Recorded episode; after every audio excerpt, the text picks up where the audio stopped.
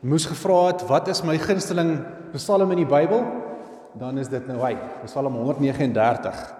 Want Psalm 139 het vir my baie vryheid gegee op 'n stadium op 'n tyd wat ek gesukkel het en op 'n tyd wat ek bietjie deur moeilike goed gegaan het. Psalm 139 waarlik vir my baie beteken.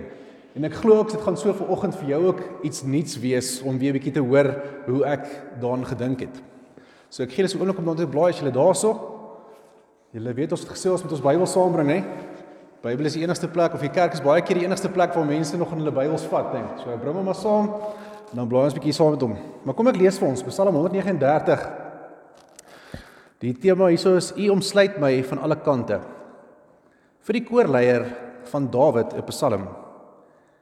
Here, U sien dwars deur my. U ken my. Of ek sit en of ek opstaan, U weet dit.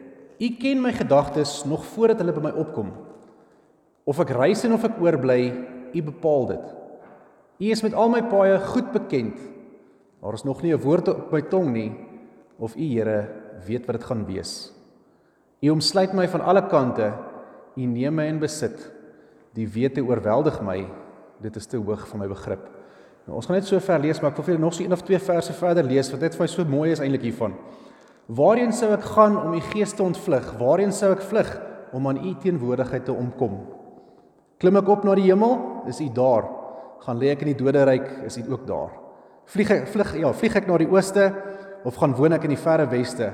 Ook daar lê u hand my. Hou u regterhand my vas.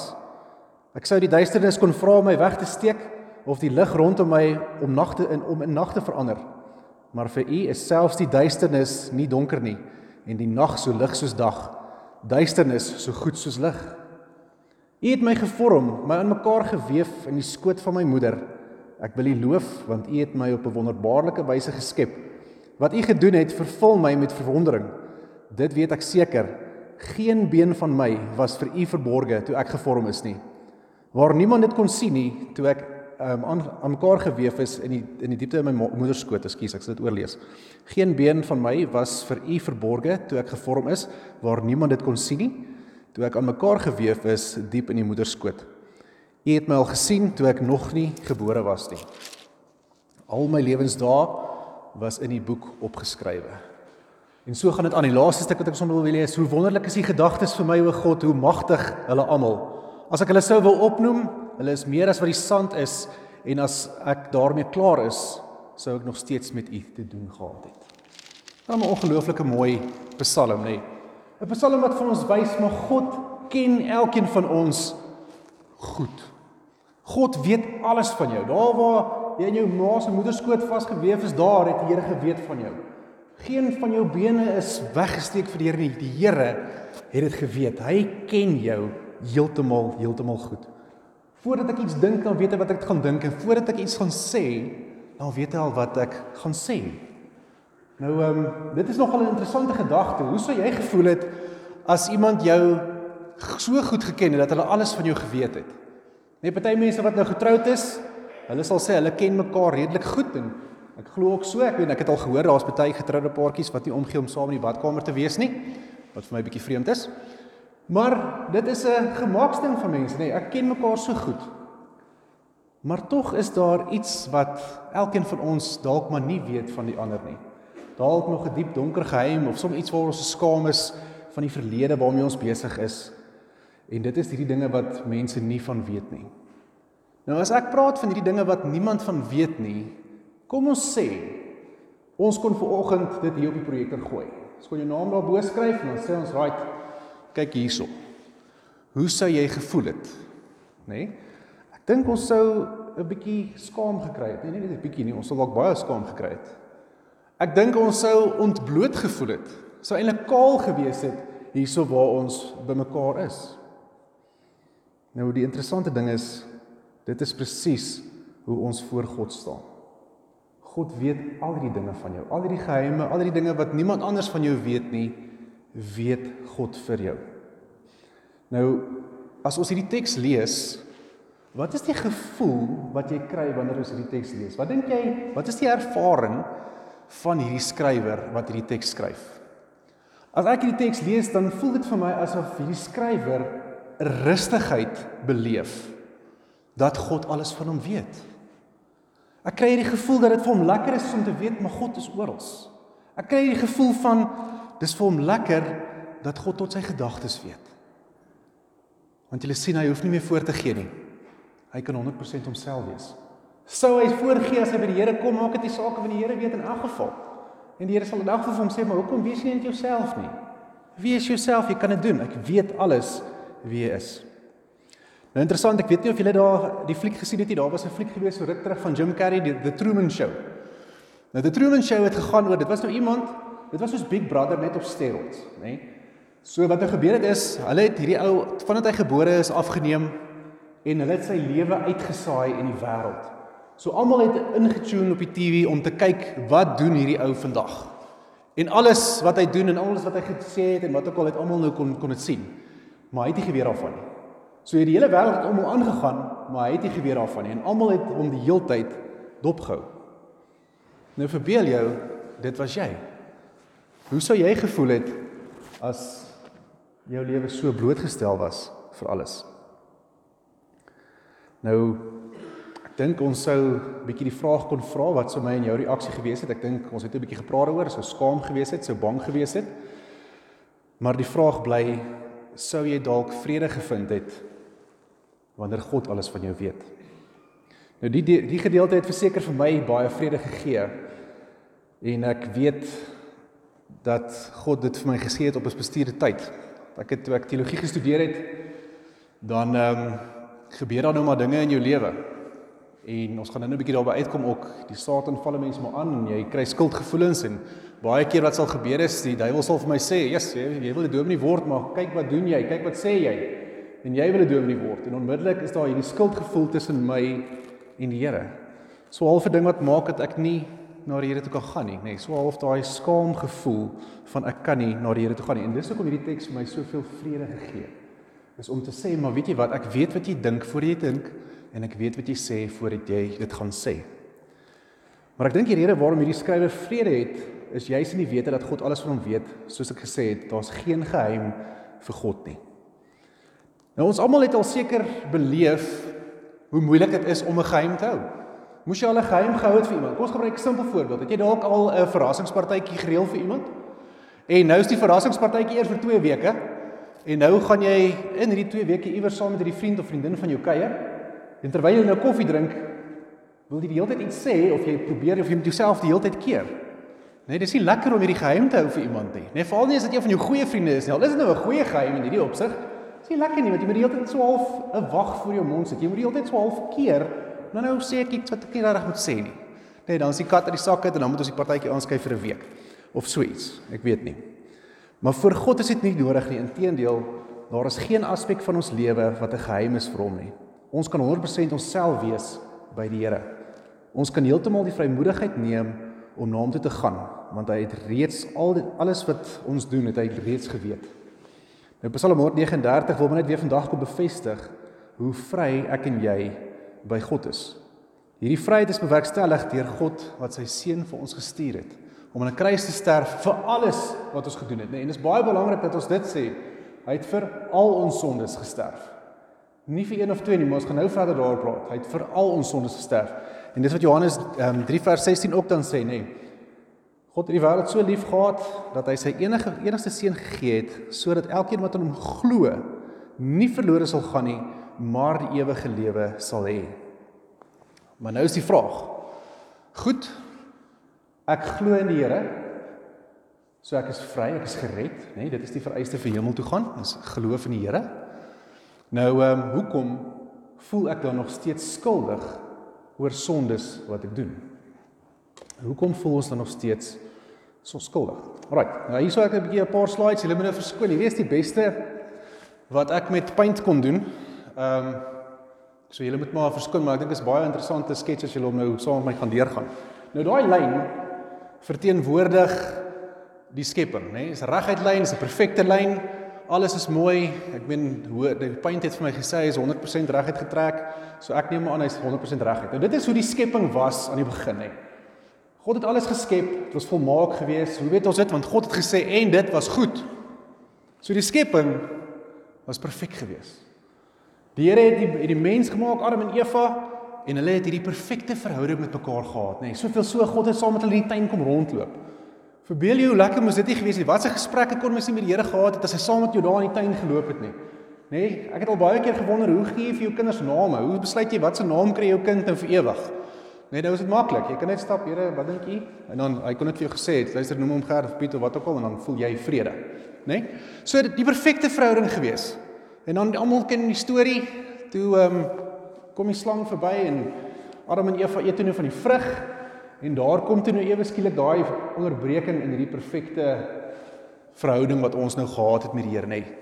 Nou die belangrike ding hierso is is dit is nie net die mens wat skade gekry het hierso nie. Die hele skepping het 'n sondeval beleef. Almal, alles het ewe skielik gebreek as ek dit so kan stel. Ons gaan nou almal dood. Daar's nou siekte, daar's nou hartseer. Daar's nou 'n klomp dinge as gevolg van die sonde wat nou in die wêreld ingekom het. So dit is nou wat daai leemte daarso is. So die mens kan nie regtig meer net uh, hierdie verhouding met die Here hê nie. En dan Romeine sê vir ons die loon van die sonde is natuurlik die dood, nê, nee, die dood, hel. Ons gaan hel toe. En dit is wat ons eintlik maar verdien het, nê. Nee. Nou interessant, ek en jy en baie Christene, net ons nie, probeer ons bes om by die Here uit te kom. Nê? Nee, ek probeer van my kant af net om seker te maak ek kom by die Here uit. Ek lees my Bybel elke dag, ek bid 'n bietjie, Ek help 'n ou tannie oor die straat, gee vir die bedelaar dalk R2 of R5 en dan um, dan voel ek okay, dit is die manier hoe ek probeer om by die Here uit te kom net. So so probeer ek dan net vir my 'n stappie bou om terug te kom hierdie kant. So kom ons gestel, daar gaan nou 'n sirkeltjie kom. Daar kom 'n sirkel en daar kom 'n sirkel. Dit gaan nou kom. Maar God is aan die een kant en ons staan aan die ander kant. So daaroor is ons nou besig om ons bruggie te bou met ons dade. Al ons mooi dade wat ons doen om te probeer om by die Here uit te kom. Nou ek sê weer, die interessante ding van ons is vandag dat ons weet hierdie goeders. Hierdie is nie nuwe goed vir ons nie. Ons weet dit. Ek vermoed dat jy hier so sit, dan verstaan jy dat jy word gered deur geloof. Dis wat ek aanneem terwyl ek hier so staan volgens. Dis dalk verkeerd om dit aan te neem, maar ek neem aan dat jy het op 'n stadium jou hart vir die Here gegee, jy het tot geloof gekom, jy glo in Jesus Christus en daarom is jy vry. Maar ons sit vandag so vas om te probeer om by die Here uit te kom, om te probeer om goed genoeg te wees vir die Here. Nee, ons probeer dit nog elke dag. Daarom, ons bid, ons lees Bybel en en en en ons kom kerk toe en en dan vra ek altyd myself die vraag af, wat is jou motief om God te aanbid? Hoekom kom jy kerk toe? Hoekom aanbid jy God? Sodat God vir jou goed sal wees, sodat God jou sal seën, sodat jy nie siek sal word nie en en en en en. Nee, Dit is die verkeerde motief om God te aanbid. Ons aanbid God want hy is God. Dis hoekom ons aanbid. God is waardig om aanbid te word. Irrelevant van wat hy gedoen het, omdat hy God is, aanbid ons hom. Alraai. So hier probeer ons ons goeders bou, maar nou die probleem met my en jou is, elke mooi daad wat ek en jy doen, dan het ons iewers 'n verkeerde gedagte of ons doen weer iets verkeerd en dan breek al daai goedjies breek dan nou maar af weer en nog steeds bly hierdie gleuf tussen ons en God. Ons kom nie by mekaar uit nie. Maar nou God is lief vir ons en ons verstaan dit nie elke keer hoekom nie. En hy het 'n plan gemaak. So God het 'n plan gemaak. Hy het gesien, weet jy wat? Ek en jy sal nooit op ons eie boom uitkom nie. Ek en jy sal nooit goed genoeg wees vir God nie. Nooit. Ons het die 10 gebooie gelees en ons gesien ons is skuldig. Die 10 gebooie was maar 10 van die baie gebooie wat daar was. As jy die wet gaan lees, dan kom jy agter, luister, daai 800 wette wat daar is, is onmoontlik. Onmoontlik. So ek en jy uit ons eie uit nie goed genoeg vir die Here nie. En God besluit, weet jy wat? Ek is so lief vir jou dat ek my seun gestuur het om in jou plek te sterf vir hierdie sondes wat jy gedoen het. En ewe skielik word daai verhouding herstel. So daar kom Jesus Christus, sy kruis en die verhouding, daar's nou weer 'n lyn daar, so 'n perfekte verhouding tussen ons en God. So ek en jy kan nou weer 'n perfekte verhouding met die Here hê. Right. Nou soos ek gesê het, ons behoort hierdie te weet. Hierdie is redelike basiese kom ons noem dit nou maar Christendom 101. Jy behoort dit te weet. Maar nou hier's die interessante ding. Kom ons sê jy kan nou daar gaan skryf die sondes wat jy doen vandag, die dinge wat jou weghou van die Here af, nê. Nee. Ehm um, jok, vloek, haat. Noem dit. Net daai ding wat ek nou nou gesê het wat jy so bang sal wees as ons nou jou naam hier kon opsit soos die Truman Show en ons kon geweet het van daai geheime van jou, daai gedagtes van jou. Dan skryf jy dit daar neer vir jouself. Wat se goed sê jy daar geskryf het? Dalk voel jy skuldig oor dinge wat jy gedoen het in jou verlede, dan skryf jy dit daar, nê? Jy skryf dit daar. So, wat sou jy geskryf het? En nou die interessante ding is, ek dink elkeen van ons sou definitief iets daar geskryf het. Stem julle saam? Ek weet as daar iemand is wat nie iets daar sou geskryf het nie, steek net jou hand op. Is jy reg? Maar nou weet ek nie of julle dit nie want ek julle reageer mos nie altyd nie. So ek weet nie, maar ek gaan nou maar aanneem ons gaan almal iets daar skryf. Ek gaan definitief ook daar goeie skryf. En dit is hoekom hierdie belangrike ding vir my van die vryheid waaroor ons gepraat het die afgelope tyd, hoekom dit vir my so belangrik is. Nou, ons het nou gelees dat Jesus het vir al ons sondes gesterf. So wat ons dan sê is Jesus het vir al ons sondes gesterf behalwe vir daai goed ons daar geskryf het. Nee, dit was vergaande. Hy het vir dit ook gesterf. Maar hoekom hou dit my en jou weg van die Here af? Hoekom hou dit my en jou weg van die Here af? En ons is almal vasgevang in dit. Hoeveel keer het jy al skaam gekry om Bybel te lees of hoeveel keer het jy al gevoel ek kan nie nou bid nie as gevolg van daai wat daar sou gestaan het? Ons almal het dit al beleef. Maar ons het nou net vir mekaar gesê ons is vry. Die Here het ons sondes betaal, hy daai verhouding herstel. Maar tog worry ons oor daai wat daar staan. Nou interessant. Ons gebruik dit baie keer by die kinders ook, die hemel en die hel. As jy nou ver oggend hierso sit, jy gaan nou vanoggend dood. Waartoe gaan jy gaan? Net kom ons sê daar's 'n skaal, hierso is 10 en daar's 0 en dan is dit nou 9 8 7 5 en dan gaan hy aan. Ehm um, op daai lyn daarso, waar sou jy jouself geteken het? So ek het vir jou gesê teken 'n prentjie. Teken jouself op daai lyn. Waar gaan jy jouself teken? Nou interessant, ek so start 9 was belydenisjaar, ek het 'n dominee gehad en ehm um, Hy was nie baie ek ek dink hy was 'n baie jeugvriendelike dominee. Maar nou dat ek self 'n dominee is, nou kom ek agter met daai het eintlik baie waarheid gepraat nou dat ek bietjie groter is. Ek dink hy het dit bietjie verkeerd hanteer daai tyd met ons, nê. Toe het hy ook net vir ons so half so skaal gegee 1 tot 10 en toe het hy gesê 0, jy gaan hel toe, 10 jy's in die hemel. Waar gaan jy jouself teken op die skaal? En ek het op daai stadium gedink nogal baie vir myself. Ek dink ek sal op 8 wees. Gaan nie reg in die hemel wees nie, maar ek doen nie soveel sonder dat ek hel toe sal gaan nie. Ek ek vermoed Ek sal daarom so 8 wees. Wees daarom so amper al in die hemel wees. En daai dominee daar uitgestap die oggend en hy het gesê: "Luister, as jy nie weet jy gaan hemel toe nie, dan gaan jy nie hemel toe nie." Toep, draai om, maar loop hy. Uit. Nou dit was 'n eye opener. Want hier sit ons almal 8 en 5 en 4 en wat ook al jou nommer sou gewees het en die dominee stap uit uit as jy nie hemel toe gaan, as jy nie weet jy gaan hemel toe nie, gaan jy nie hemel toe nie. So waar sê jy jouself geteken het? Sou jy gesê het ek's in die hemel? Sou jy gesê het ek's daarso, ek is ek struggle nog 'n bietjie met 'n paar goeters? Wat sou jy gesê het? Nou weer eens, wat is die vereiste vir hemel toe gaan? Johannes 3 vers 16. Dis een van die tekste waar ek die Here beleef vir die eerste keer in my lewe deur die woord. Ek het randomly Johannes gelees op daai stadium en ek het op Johannes 3 vers 16 afgekom en dit het vir die eerste keer vir my sin gemaak. Omdat ek glo gaan ek nie verlore gaan nie. En ek kon in my onderhoud toe nou antwoord want hy het dit nou opgehaal het in, in ons onderhoud en ek kon vir hom sê weet jy wat Johannes 3 vers 16 sê omdat ek glo is ek gered. Daarom kan ek vanoggend sê maar weet jy wat ek gaan na hemel toe as ek nou doodgaan. En ek hoop jy sal dit ook so kan sê. Nou kom ons gaan terug na ons lyn toe. Ekskuus, ek weet nie of julle die lyn kan sien hy is baie dof. Maar daar's nou weer daai perfekte lyn tipe ding, maar hier is nou 'n bietjie meer 'n ander tipe lyn. Hier is nou weer 'n tydlyn. So hier is die begin van die wêreld en daar is die einde van die wêreld en Ooh, nee wag. OK, nee, dis nie reg nie. Weet jy, ek kan dit nie eers so sien nie, maar hierso is veronderstel om 'n streepie te wees en daarso is veronderstel om 'n streepie te wees.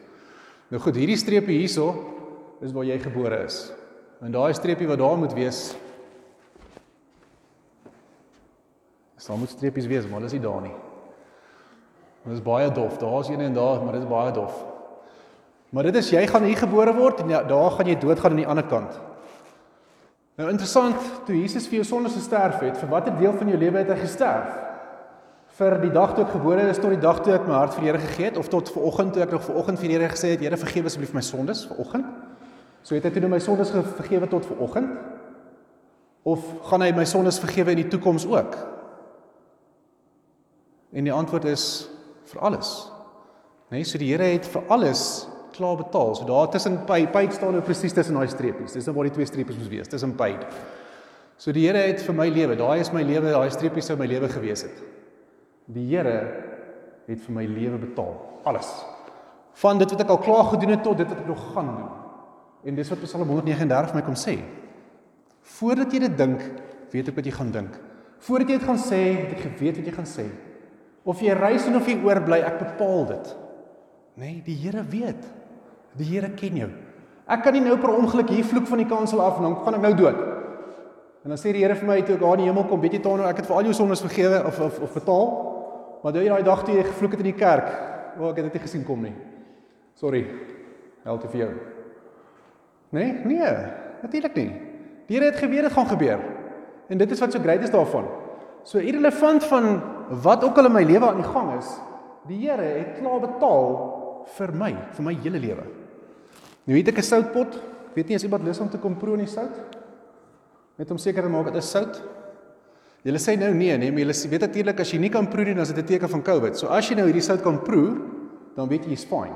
So is ek vra weer, iemand enige iemand? Nie? OK. Maar hier sout, hierdie is 'n soutpot. Wie se soutpot is dit? Dis my soutpot. Die soutpot behoort aan my. Wat in hierdie soutpot is, is irrelevant. Dis irrelevant. Ek kan peper in gooi, ek kan grond in gooi, ek kan water in gooi as ek lus is. Dis irrelevant van wat in hierdie soutpot is. Die soutpot is myne. Selfs met my en jou. Jy is God se. Irrelevant van wat in jou lewe aangaan, irrelevant van die dinge wat jy doen en hierdie skuldgevoelens in jou lewe, irrelevant daarvan. Jy is God se. Jesus het betaal vir jou sondes. Jesus het jou gekoop, die hele jy, alles van jou. 2000 jaar terug het God geweet daar gaan 'n Tano wees en Tano gaan so oud wees en hy gaan dit doen en hy gaan al hierdie goeders doen en hy gaan op 80 doodgaan. Klaar. En hy gaan 'n skollie wees. Maar weet jy wat ek is lief vir hom en ek het hom gekoop met al sy foute. Alles. Ek is gekoop, ek is vry. Ek sê altyd vir my kinders en julle moet nou baie mooi hoor. Tegnies gesproke kan jy nie genoeg sonde doen om nie gered te word nie. Tegnies gesproke kan jy nie genoeg sonde doen om nie gered te word nie. Sou jy vanoggend besluit, okay, Dominee, ek sal dit toets en jy begin van nou af net sonde doen, dan sprys al die pad deur. Dink jy dit het God verras? Nee. God het geweet dit gaan gebeur. Maar God het jou nog steeds gekoop omdat jy glo. Omdat jy glo, is jy God se. Beteken dit ek en jy kan doen wat ons wil? Nee, natuurlik nie. Die Here kom en hy red ons van 'n verskriklike straf. En ons kan dalk eendag 'n preek hou oor die hel en hoe sleg dit gaan wees in die hel en wat alles verkeerd gaan gaan in die hel. En dan besef mens dalk hoeveel moeilikheid jy hoe, hoeveel moeilikheid jy sou gehad het. En dit is hoekom ons baie keer ook maar die wet lees, is jy om ons net weer bewus te maak van dit is eintlik wat ons verdien. Ons verdien eintlik om hel toe te gaan. Uit ons eie uit verdien ons om hel toe te gaan. Maar omdat ons glo in Jesus Christus, omdat Jesus Christus vir ons gesterf het, gaan ons nie hel toe nie omdat ons glo. Dis genade. En as ons dan besef maar, weet jy wat ek is sondig, ek moes hel toe gegaan het, maar die Here het my gered, dan moet daar 'n gevoel van dankbaarheid oor jou kom. Jy moet dankbaar wees. Ons moet kan sê, dankie Here dat U ons gered het hiervoor. Dankie dat U U seun vir ons gestuur het. En uit daai dankbaarheid uit kom ons en ons doen dade van gehoorsaamheid. So die dade is nie iets wat my red nie, die dade is as gevolg van dat ek gered is. Omdat ek gered is, nou leef ek soos wat die Here wil hê ek moet. In die eerste plek. Die tweede ding sê Galasiërs vir my dat wanneer ek tot inkeer kom, die Heilige Gees in my is en die Heilige Gees binne in my lei my. So wanneer ek op die verkeerde pad is, gaan die Heilige Gees my sê, "Tano, hierdie waarmee jy nou besig is, is nie heeltemal waarmee jy besig moet wees nie." Daarom kan ek as ek sê, weet jy wat, ek het 'n verhouding met die Here, ek glo in Christus, kan ek nie aanhou leef soos wat ek leef nie. Dit is onmoontlik. Dit is onmoontlik. Dade van dankbaarheid. Dade van gehoorsaamheid wys dat ons dankbaar is. Dade red ons nie, geloof in Christus alleen maak ons vry. Hierdie vryheid wat ons kry deur Jesus moet vir ons dieselfde kalmte gee wat die skrywer van Psalm 139 beleef wanneer hy besef dat God alles van hom weet. Hierdie vryheid maak dat ons voluit vir die Here kan leef. Nou weer. Hierdie wat ek alles vandag vir jou gesê het, is kopkennis. Ons ken dit. Ons ken dit. Maar ek het 'n vriend wat altyd gesê het moenie die hemel mis met 30 cm nie. Nee? Kopkennis, hartkennis. Moet iets wees wat jy weet, wat jy leef. Here moet hier wees. Hierdie wat ek ver oggend vir jou gesê het, moenie net hierbo wees nie. Dit moet iets wees wat jy glo. Jy moet dit vashou want dit is wat vir jou die vryheid gaan bring wat die Here vir ons beloof. Ekskuus. Nou dit bring my by die laaste deel van ons preek vanoggend en dit is die vraag maar waar kom skuldgevoelens vandaan? Hoekom voel ek en jy skuldig vandag? As ons vir mekaar kan sê ek is vry, die Here het my gekoop, ek behoort aan die Here, alles van my. Hoekom voel ek en jy dan nog steeds skuldig vandag? Nou ek het groot geword en my ma het altyd gesê dis jou gewete wat jou pla of dis die Heilige Gees wat jou 'n bietjie berisp. En ek het 'n probleem met dit. Want ewe skielik is ek nou besig om skuldig te voel as gevolg van die Here. En daai kom nie vir my mekaar uit nie. Ek jammer. Die Here laat jou nie skuldig voel nie. Dis nie die Here wat vir jou sê kyk hoe sleg is jy. Kyk wat doen jy en jy wil 'n kind van die Here wees. Jy wil 'n dominee wees. Jy moet nou 'n Christen wees. Dis nie die Here wat dit vir jou sê nie. Daai skuldig voel is 'n aanklag. Wanneer ek aangekla word, voel ek skuldig. Stem julle saam? Die Satan, haar Satan in Hebreëus beteken aanklaer of struikelblok. Nee, hy is die een wat jou aankla. Dit is Satan wat aan jou toe kom en sê, "O, oh, jy is 'n Christen, maar kyk hoe tree jy op." En nou wil jy gaan Bybel lees. Is jy seker jy moet bid? Dink jy die Here wil van jou hoor nadat jy nou so was met jou kinders en met jou vrou en alles? Dis nie jou gewete nie. En dis verseker nie die Heilige Gees nie. Verseker nie. Hoe gaan ons die verskil weet tussen die Heilige Gees wat jou berisp of jou reg help versus die Satan wat jou aankla? En dit is eintlik baie maklik. Bemoediging. Die Heilige Gees gaan vir jou bemoediging gee. Die Satan kla jou aan. As jy sit met skuldgevoelens, kan jy weet dit kom nie van die Here af nie. Die Here is nie die een wat jou skuldig laat voel nie, Satan laat jou skuldig voel. Hoe werk die Heilige Gees? Jy wat 'n ouer is, sal weet jou kind het daar op 'n fiets gery het op 'n stadium en dan val hy van die fiets af. Wat doen jy? Gil jy op jou kind, jy onnosel, jy kan nie fiets ry nie. Wat's fout met jou? Nee. Jy stap op, sy man, tel sy fiets op, skud die stof af, skud die klippies af, sê kos probeer weer. Nee? Dit klink vir my na bemoediging. So wanneer ek sê die Heilige Gees is besig om met jou te praat in jou lewe, dan gaan dit nie oor skuldgevoelens nie. Die Heilige Gees gaan vir jou sê, weet jy wat, hierdie waarmee jy nou besig is, is nie my wil vir jou nie. Maar kom ons probeer weer. Dis 'n baie anderste klem as ek dit so kan stel, van skuldgevoel na bemoediging toe. So dis iets wat jy moet onthou asseblief. Skuldgevoelens bring 'n wig tussen jou en God. So dis hoekom die Satan dit doen. Die Satan gaan dit doen, want dit maak dat ek en jy skaam is om na die Here toe te gaan. En dis wat hy wil hê. Hy wil hê daai verhouding wat ons met die Here het, moet skade ly. Dis dit is wat hy wil hê. En daarom doen hy dit. So dit bring 'n wig tussen ons en God. Dit veroorsaak dat mense nie vrylik kan aanbid nie. Hoeveel keer, soos ek gesê het, het ons al gesukkel om Bybel te lees of te bid. Nou Psalm 139 kom verwyder hierdie wig tussen ons en God omdat ons vry is as gevolg van ons geloof in Christus. So ek sê weer vir oggend vir jou, jy is vry omdat jy glo.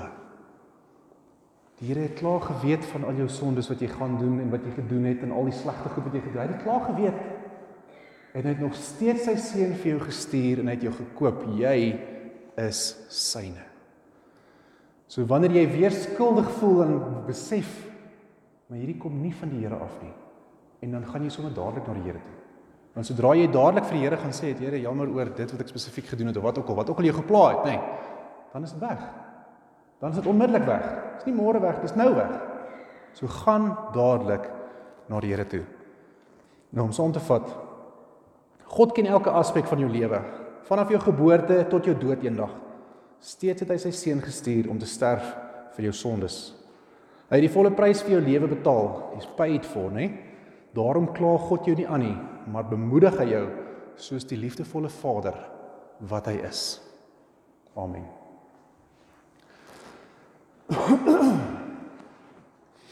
Here almagtige God, baie dankie vir die voorreg wat ons het om ver oggend sommer net weer te kan besef dat ons vry is. Here, sommer net dankie dat ons kan weet dat U alles van ons weet. Here, en baie keer is dit dalk maar 'n awakening om agter te kom dat U eintlik alles van ons weet, al die dinge wat ons dink niemand weet nie. Maar U besef en U weet dit. Here, maar dankie daarvoor. Here, dankie dat ons onsself voor U kan wees. Dat ons nie hoef voor te gee wanneer ons by U kom nie, omdat U ons so goed ken. Here, ek wil kom bid en vra dat U elkeen van ons sal vrymaak aan die dinge wat ons nog steeds terughou van U. Here, daai dinge waaroor ons so skuldig voel, waarvoor U eintlik al reeds betaal het. Here, ek kom bid en vra dat U ons sal help met dit. Heilige Gees, ek kom bid en vra dat U elkeen van ons sal lei op hierdie regte pad, op hierdie pad wat U graag wil hê ons moet doen. Here, U weet ons lewens is nie volmaak nie. Maar Here, U ons is afhanklik van U en daarom kom bid ons vir U leiding. Here, dankie dat U U seun vir ons gestuur het. Dankie dat ons nie hoef te betaal vir ons eie sondes nie. Here, en ek kom bid en dit is my hartsbehoefte dat ons nader aan U sal groei. Here, dat ons lewens hierdie dade van dankbaarheid, hierdie dade van gehoorsaamheid sal hê sodat mense sal wil kyk na ons en sê maar ons wil hê dit wat jy het. Here ons wil sommer vandag kom en kom bid vir almal wat siek is en hartseer is en vra dat U hulle werklik sal vashou. U is die groot vertrooster en U is die groot geneesheer. Here en daarom kom plaas ons hierdie mense vanoggend in U hande. Here ons wil kom bid vir ons land. Ons kom vra dat U asseblief vir ons leiers die wysheid en die insig sal gee wat hulle nodig het om ook ons land te regeer. Here, U weet ons wat aangaan in ons land en U weet ons korte uitkomste. Here, en daarom kom pleit ons dit ook by U. Here, wanneer ons so terugkyk in die verlede, dan kan ons nie anders as om U hand van goedheid vir ons daar raak te sien nie. En dis met daardie geloof wat ons hierdie dinge vir U vra. En ons bid dit in Jesus se naam. Amen. Kom ons sluit af met 'n laaste lied. Janek, jy kan sien daar's twee streepies, né? Nee? Daar op daai skerm kan ek dit nou sien. Hy's daar. Hy's daar. Dit is daar. Hoor, so dit is regtig, dit is daar. Goed. Ek kan dit nie hier maar ja. Kom ons sluit af met u goedheid, Heer. Kan ons nie pyl nie? En daarna sal ek vir ons die seën uitspreek.